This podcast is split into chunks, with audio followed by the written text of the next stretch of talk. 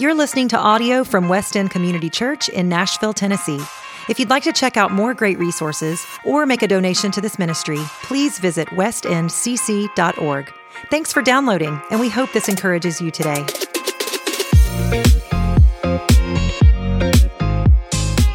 Well, good morning. My name is John. I'm one of the pastors here. Very warm welcome to you. If you are new or you're visiting or you're with a friend or you've been here a long time, we're really glad to have you here with us this morning. Um, so, about 10 years ago, I think it was about 10 years ago, I uh, was driving my wife and her colleagues to the airport for an early morning flight. So, we lived in Richmond, Virginia, and um, she had a 6 a.m., I think it was like a 6 a.m. flight. And so I uh, got up early. We had an old Subaru that was sold to me by a friend who lived in Connecticut. And so had this Subaru and picked up everyone probably around 4.30, got in the car, drove to the airport. Lived in Richmond, Virginia at the time. Airport was just 15 minutes from our house. And dropped them off. And then on the way back, um, we're dri- I'm driving back to my house. Uh, sun is rising. And um, so this, this Subaru was a friend's who lived in Connecticut, so had a lot of rust damage on the bottom of the car, and I'm coming in on the downtown expressway, which is similar to I 40 in downtown Nashville, except uh, in Richmond it's above the city. So coming in on this highway above the city, and as I crest this hill, my muffler falls off. And uh, if this has never happened to you before, a muffler is about a six foot piece of metal that makes your car quiet. And so it falls off on the interstate, and th- what happens after that, it sounds like a motorcycle. Um, and so it's just incredibly loud. I'm driving on the interstate. I realize I need to get my muffler. So I drive home, just about a mile from our house, uh, drive home, switch cars for our other old station wagon, um, and drive back to the spot on the interstate where my muffler was. Luckily, it was early enough in the morning that no one had hit it. Um, and, uh, and I pull off onto the shoulder of the highway, uh, park my car um, leave the engine running, shut the door, go pick up the muffler, come back to my car, and the door's locked. So there I am, standing on the side of the interstate at, I don't know, 7 a.m., holding my muffler locked out of my parked car, and I had no idea where my help was going to come from. I needed to be rescued, and I needed help. So this summer, we are in the, I'll tell you the end of the story later. Okay. Um, so this summer, we're in the Psalms together. We're studying the Psalms. And particularly this summer, we're looking at Psalms 120 to 134, which all of them have the same title. They're all the Songs of Ascent. And this is a, a psalm, a song book within the larger psalm book of the 150 psalms. Some say it's a psalter within the psalter. And it's a hymn book that was developed and curated and put together for uh, the people of God in the Old Testament as they made these three annual pilgrimages to Jerusalem. From wherever they lived, whether it was in Palestine or from other parts of the world, this was their hymn book. This was the, the spiritual playlist for them as they made their three annual pilgrimages for the feast of Passover and Pentecost and Tabernacles. And so this helped them, like a playlist does, it helped them pay attention to the spiritual dimension of their lives. This was a very social affair because lots of people would be going together up to Jerusalem together, and this playlist, these hymns, these psalms, helped give, helped give contour and shape to the spiritual dynamic of their faith, of their faith journey, this three time journey to Jerusalem. And so, as we're walking through these Psalms together, last week we looked at Psalm 120, this week Psalm 121. And as we're looking at these together, Brett is putting um, these Psalms to music for us. And so, uh, if you'd like this to be part of your worship on Sunday, we're going to, um, this is part of our prelude. So, just come five minutes before the service starts, and we're, we're singing these hymns, these Psalms together uh, to prepare for worship. So this morning we have um, Psalm 121. So I want to invite you now to stand for the reading of God's word. This is God's word for us this morning. It is trustworthy and true, and He gives it to us in love. Psalm 121, a song of ascents. I lift up my eyes to the hills. From where does my help come? My help comes from the Lord who made heaven and earth. He will not let your foot be moved. He who keeps you will not slumber. Behold, he who keeps Israel will neither slumber nor sleep. The Lord is your keeper. The Lord is your shade on your right hand. The sun shall not strike you by day, nor the moon by night. The Lord will keep you all keep you from all evil. He will keep your life. The Lord will keep your going out and your coming in from this time forth and forevermore.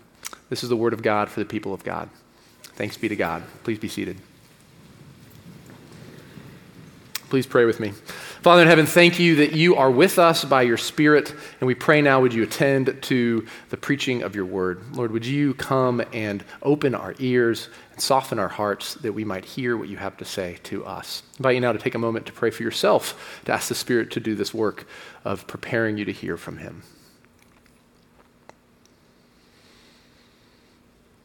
I invite you to pray for those who are sitting around you.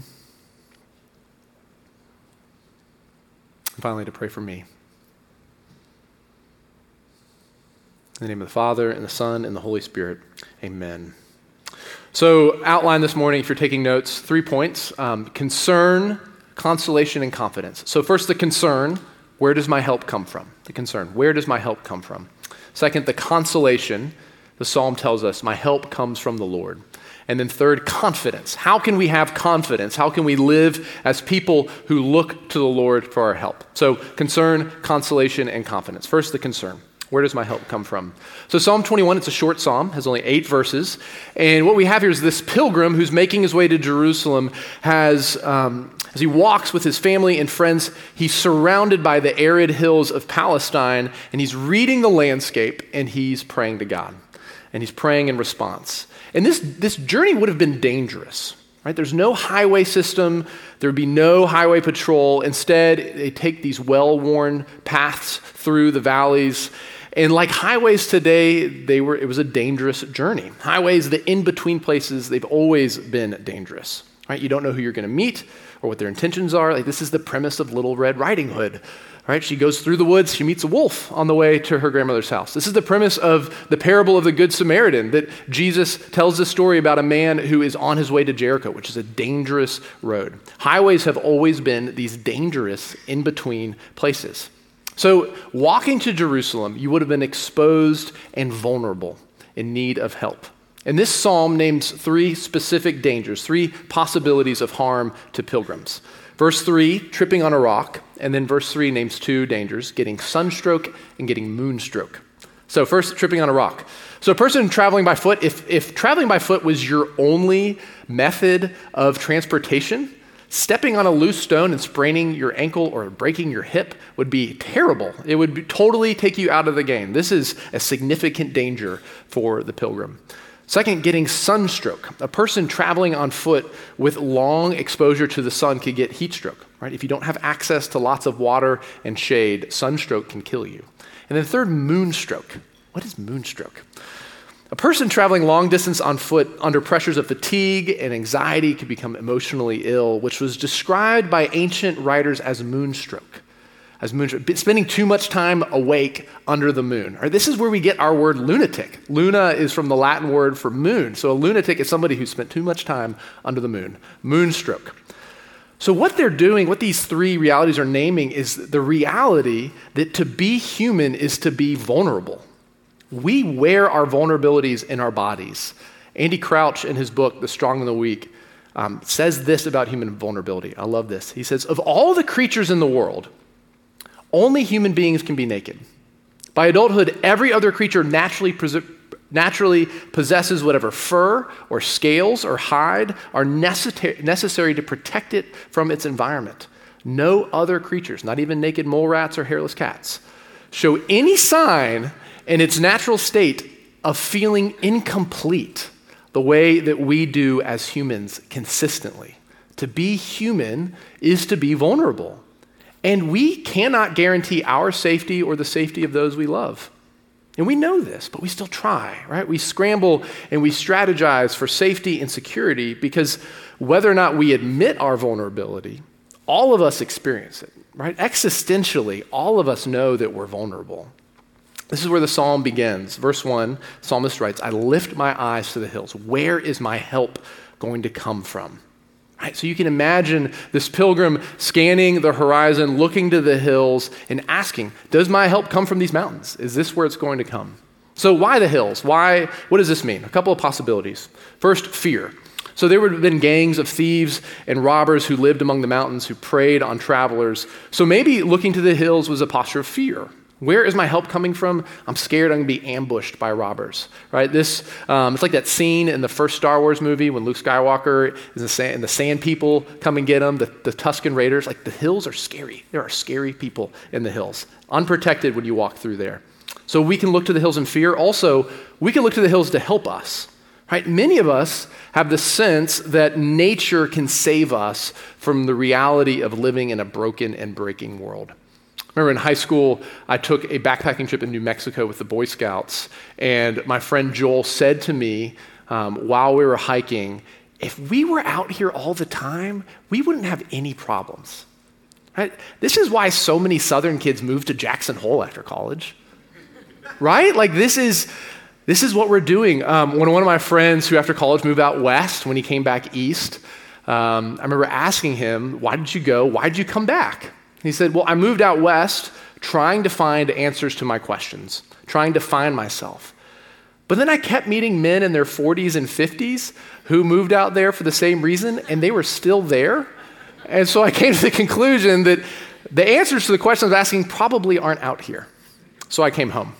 He had a great time. He had a wonderful time in the mountains and the hills, but they didn't have the power to meet his deepest need. And an ancient Jew would have seen something else.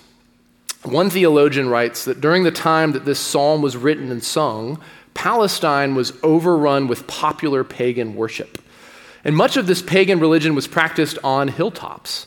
Shrines were set up, groves of trees were planted, sacred prostitutes, both male and female, were provided. People were lured to the shrines to engage in acts of worship that would enhance the fertility of the land. They'd make you feel good, they'd protect you from evil. Do you fear the scorch of the sun? Well, go to the sun priest, pay for protection against the sun god. Are you scared of the evil influence of moonlight? Well, go to the moon priestess and buy an amulet. Are you haunted by the demons that could cause a pebble to go under your foot and trip you? Well, then go to the shrine and learn the magic formula to ward off the demons. This is, this is the sort of thing that an ancient Jew would have encountered 2,500 years ago as, he made, as they made their journey up to Jerusalem. And if we're honest, today we're not much different. Right? Always looking to the next experience or the next vacation or the next purchase or the next encounter to save us from the things that we fear. But a look to the hills always ends in disappointment. For all their majesty and beauty, they're finally just hills. And Psalm 121 echoes this. Ultimately, the psalmist says, My help doesn't come from the hills, my help comes from the Lord. So, this is the concern. Where does my help come from? It doesn't come from the hills. And God gives us this consolation in Psalm 121 that help comes from the Lord. Our help comes from the Lord. Look at how the Lord is described in this psalm. In verse 2, we're told he's the maker of heaven and earth. Verse 3 and 4, we're told he's not going to fall asleep on you. Verse 5, he's your shade that protects you from the sun and the moon, from physical and mental harm. And then verse 7, he's the one who protects you from all evil. So, first, he's a maker of heaven and earth. The psalmist is saying, saying, when I need help, I'm not paying attention to the stock market. I'm not paying attention to my accolades and awards. I'm not paying attention to who the next election is going to bring into political power. I'm paying attention to the maker in heaven and earth, the one who is outside of time and space. So, what gives him this assurance? What gives the, this pilgrim this assurance? Perhaps he's, he's thinking about Genesis 1. Genesis 1, the first three verses, tells us in the beginning, God created the heavens and the earth. Psalms is saying, This is the one who I'm turning towards. The earth was formless and void. Darkness was under the face of the deep. The Spirit of God hovered over the face of the water. And then, verse 3, we're told that God speaks, Let there be light. And then there was light. God spoke, and it was so. By the word of his power, he created. He created light. He said, Let there be. And he created everything the birds, the mountains, us. He created everything from nothing. And if he created everything from nothing, then maybe I can trust him. Or maybe the psalmist has Psalm 24 in mind, which says, The earth is the Lord's and everything in it. The world and all its people belong to him. For he laid the earth's foundations on the seas and built it on the ocean's depths. And that psalm ends Who is this King of glory? The Lord strong and mighty the Lord invincible in battle, the Lord of all the armies of heaven. He is the King of glory. And so, our pilgrim, his consolation is he's saying, My help comes from the Lord, the maker of heaven and earth. And he's not only the creator, but also the sustainer. He holds all things together. From Uh, the planets, the orbits of the planets and the stars, to the atoms in our hands, Jesus is sustaining all of creation. And the psalmist is resting his hope in this reality, in the confidence. His confidence is in God's providence. Providence. What does this mean? It's the reality that God is the creator and sustainer of all things, that He is the one who provides. And we confess this every other week in worship when we confess the Heidelberg Catechism together, the first, the first question to answer. And we say, I belong to Jesus Christ, and he preserves me in such a way that without the will of my heavenly Father, not a hair can fall from my head. Indeed, all things must work together for my salvation.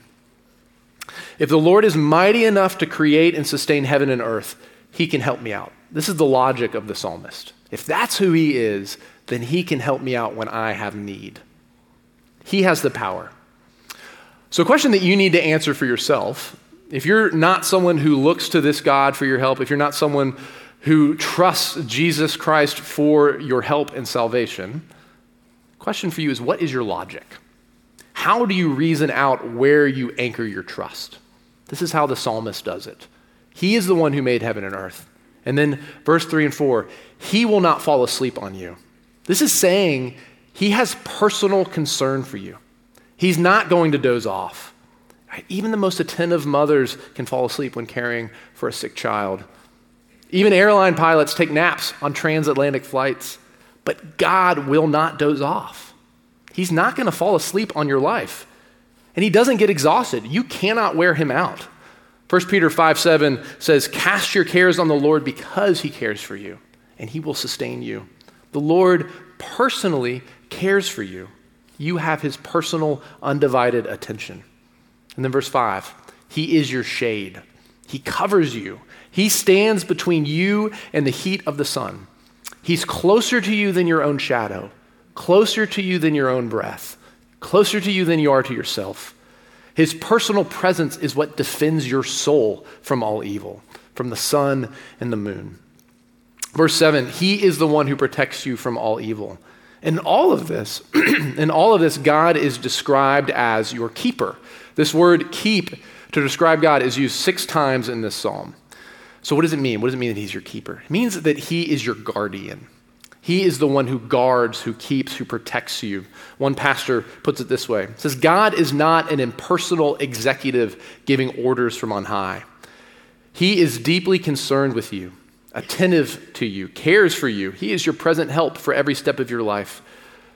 The way to tell the Christian story is not to describe its trials and tribulations, but rather to name and describe the God who preserves and accompanies and rules us. Isaiah 40, verse 11, God says that he will feed his flock like a shepherd. He will carry the lambs in his arms, holding them close to his heart. He will gently lead the mother sheep with their young. See, by telling us that God is our keeper, this is what he's saying. He's saying he's not going to go anywhere. And not only is he not going anywhere, but he's personally attentive to every detail of your life. And he's going to personally defend you with everything he has. You are God's personal concern. In your going and coming, meaning in your public and in your private affairs, and in the minute details of your life. You can talk to him about every detail of your life, and he's never tired of listening to you. He's never exhausted. You can't wear him out. He delights to listen to you. You're not going to put him to sleep.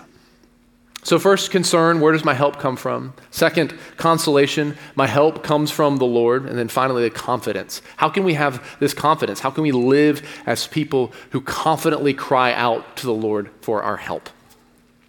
This is so hard for us to actually cry out for help. This is so hard for us to, to do it in front of each other, to name the reality of our need, of our vulnerability. I mean, one of, one of the great American virtues is this rugged independence. Rugged, uh, we, we cherish and prize the ability to be self sufficient. And this is carried over from the days of the frontier to now, where we work so hard to look like we've got it all together, to appear that we don't need anyone's help at all. But we do. We do need help. Thoreau famously said that the mass of men live quiet lives of desperation. And friends, God knows this about you, and He's giving you words to cry out. He's saying, when you cry out to me, I will answer you. This is the, this is the essence of prayer saying help to God who providentially cares for you. Paul Zahl writes this. He says, A prayer of grace is simply plain speech addressed to God from the standpoint of human need, saying, God, I am so upset, I don't know what to do. The situation is beyond me. If you don't do something about this, nobody will, and I can't. Please, dear God, help me for Christ's sake. Amen. So, what are the situations in your life that feel like they are beyond you? Where in your life are you scanning the hills for help? What does your search history tell you about where you look for help? In what situations are you experiencing your vulnerability as a human? And where are you looking for help? Are you living a quiet life of desperation? Where does it seem that everything's falling apart? Maybe you're having a hard time paying the bills and making ends meet. This is a prayer for you. My help comes from the Lord. Maybe your job is crushing you and you're surrounded by liars and cheats. God gives you this prayer to cry out, My help comes from the Lord.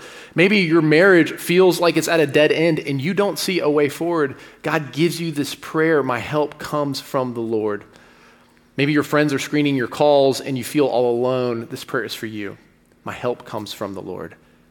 Helping those who can't help themselves gives God joy. Let me say that again. Helping those who can't help themselves, it's all of us, gives God joy. Invite him into your situation. Name your need to him. Be like the beggar on the side of the road on the way to Jericho and cry out, Jesus, son of David, have mercy on me. Talk to him. Bring your desperation to him. Soak this prayer in your tears. This is who your God is. And now here's the thing in order for this to be good news and not just hallmark sentiment, you have to see how Jesus fulfills it. The only way that this is good news and not just empty platitudes for those who haven't really suffered or for those who haven't really endured hardship. The only way to see how this is actually good news is to look at Jesus, to fix your gaze on Jesus, the one who knows your suffering. The only way that you'll be able to cry out to God and know that He will guard and protect you the only way you'll be able to run to Him, no matter how much of a mess you've made of your life, no matter how much of the trouble that you're in is trouble of your own making, the only way is by knowing that God has first run towards you as your keeper. And He has done all that is necessary to keep and guard you as His own. And we see this where we see all things most beautifully in Jesus Christ and on His cross. Because on the cross, God removed his hand of shade from Jesus. The moon struck him by night. The night before Jesus went to the cross, he was praying in the Garden of Gethsemane, and we're told that his sweat turned to blood for the agony that he was in. And his friends fell asleep on him in his hour of greatest need. He experienced the pain and anxiety of knowing that he was headed to the cross to die. And the sun struck him by day. He was hung on the cross in the middle of the day, and as he died, he cried out through parched lips, I thirst. On the cross, Jesus removed his hand of shade. God removed his hand of shade over Jesus. The moon struck him by night, the sun struck him by day. And rather than the Lord keeping him from all evil, he let evil find its full and final resting place on him for you, for me, 2 Corinthians 5:21 tells us that God made him who knew no sin, speaking of Jesus. God made him who knew no sin to become sin for us so that in him we might become the righteousness of God. God made him who knew no evil, Jesus Christ the righteous, knew no evil, made him to become evil on our behalf so that in him we might become the righteousness of God. So how does God keep us? How do we live as people who are able to say help? We look to Jesus Christ in faith. He was crushed for our sin so that in him we might be kept from all evil. Death and suffering may steal your innocence, but it cannot steal your substance. This is the promise of this psalm that in Christ God guards you from every evil. So back to the muffler story. So I'm standing on the side of the interstate in downtown Richmond at 7 a.m., standing outside of my locked car, which is running, holding the muffler to my other car, and I have no idea what to do or where my help is coming from, but I've got a cell phone. It was a flip phone. I got a cell phone. I open it and I call my friend Meg, who was asleep and was eight months pregnant at the time. Her husband worked with my wife, and I just put them on a plane and sent them off. And I called her and I woke her up and I can just, and she agreed to come help me. So she went to my house, got a spare key, and, and um, came. And I just, I remember her coming over the crest of the highway, driving to me as I stood there outside of that 1995 blue Volvo station wagon with the engine running, me holding the muffler of my Subaru. I'm in a mess of my own making, a situation that I could not get myself out of. Just imagine how she saw me as she came in with eyes of compassion bringing help that I couldn't give to myself. She delighted to wake up and come help me. Friends, how much more does our Father in heaven delight to come to our rescue, to respond to our cries of help? Delight to, slave, to save us, the one who doesn't slumber or sleep. Let's pray.